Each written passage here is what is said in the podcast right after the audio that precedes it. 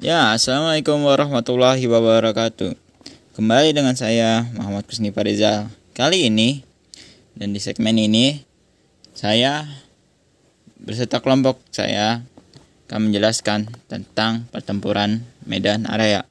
Sebelum itu, perkenalan kita mari memperkenalkan nama-nama kelompok.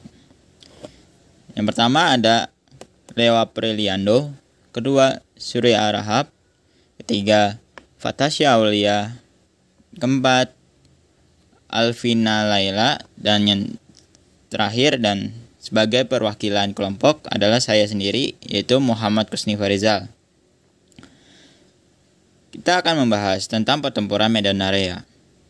Pertempuran Medan Area merupakan peristiwa sejarah pada era revolusi fisik atau medan perang mempertahankan kemerdekaan Republik Indonesia. Peperangan ini terjadi di Medan, Sumatera Utara.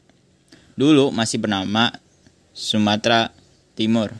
Beberapa bulan setelah proklamasi, pemicu pecahnya pertempuran Medan Area ini adalah kedatangan pasukan sekutu di Sumatera Utara pada 9 Oktober 1945.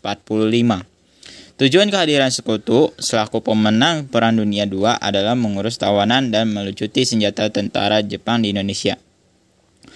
Ternyata sekutu diboncengi oleh pasukan Belanda yang saat itu memakai nama Netherlands India Civil Administration atau yang disebut dengan NICA. Belanda rupanya ingin kembali menguasai wilayah Indonesia yang dulu beratus-ratus tahun karena diduduki. Rakyat dan kaum pejuang di Sumatera Utara khususnya di Medan tentu tidak tinggal diam melihat gelagat buruk tersebut. Maka terjadilah konflik bersenjata yang kemudian dikenal sebagai pertempuran Medan Area. Kronologinya, Soekarno dan Muhammad Hatta atas nama bangsa Indonesia telah menyatakan proklamasi kemerdekaan pada tanggal 17 Agustus 1945 di Jakarta. Kabar gembira tersebut baru sampai ke rakyat Medan 10 hari berselang atau pada 27 Agustus 1945.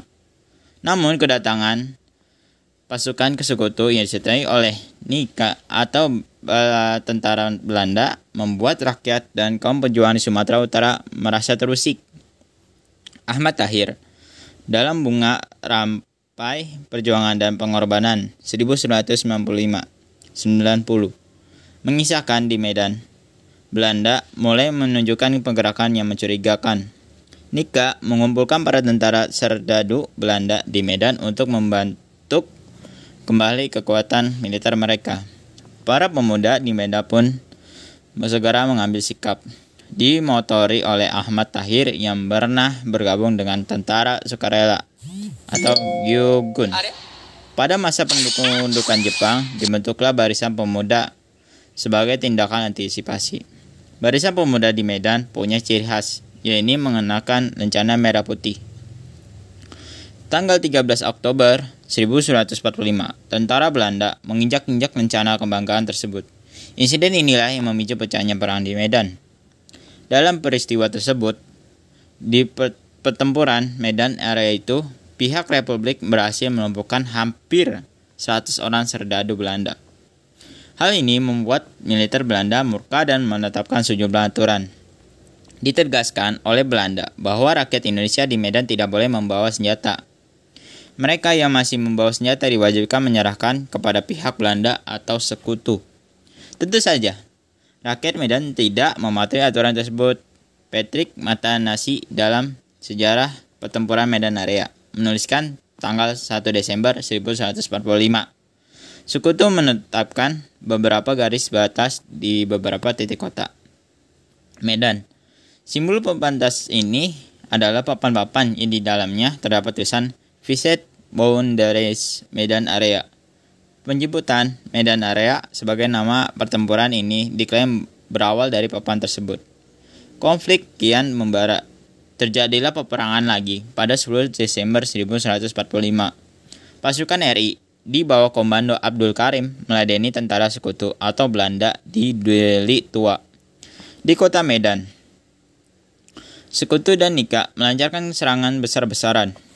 Tercatat dalam sejarah nasional Indonesia ke-6 1984 karya Marwati The Joinet Poesponegoro dan kawan-kawan kaum rakyat perjuang di Medan melayani serbuan tersebut. Perang yang terjadi membuat jatuhnya banyak korban dari kedua pihak. Buku Republik Indonesia Sumatera Utara 1953 mencatat kala itu kota Medan digempur peperangan. Situasi kacau balau. Para prajurit sekutu melakukan berbagai tindakan keji yang membuat rakyat Medan kian murka. Dan pada akhir pertempurannya, sekutu dan Nika akhirnya berhasil menduduki kota Medan pada April 1945. Eh, 46. Pusat perjuangan rakyat Medan pun terpaksa digeser ke pematang Siantar.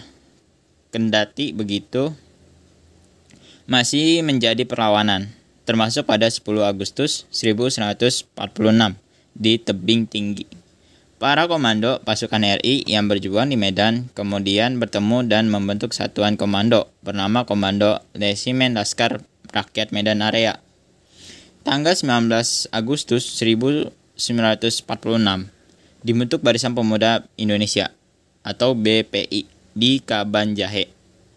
Dikutip dari artikel terbentuknya TKR di Tanah Karo dalam nama pemerintahan Kabupaten Karo, BPI menjadi salah satu unsur pembentuk Badan Keselamatan Rakyat atau BKR yang merupakan cikal bakal Tentara Nasional Indonesia yang akan yaitu TNI. Laskar Laskar Rakyat di berbagai daerah di Sumatera Utara terus melancarkan perlawanan terhadap sekutu dan Nika meskipun kota Medan telah diduduki. Tak hanya di Sumatera, gelora perlawanan juga terjadi di berbagai daerah lain di Sumatera seperti Padang, Bukit Tinggi, Aceh, dan lain-lain. Sekian dari saya. Kami dari kelompok keempat.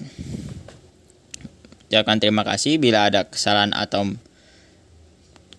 kesalahan kata. Mohon dimaafkan. Sekian dari kami kelompok keempat. Assalamualaikum warahmatullahi wabarakatuh.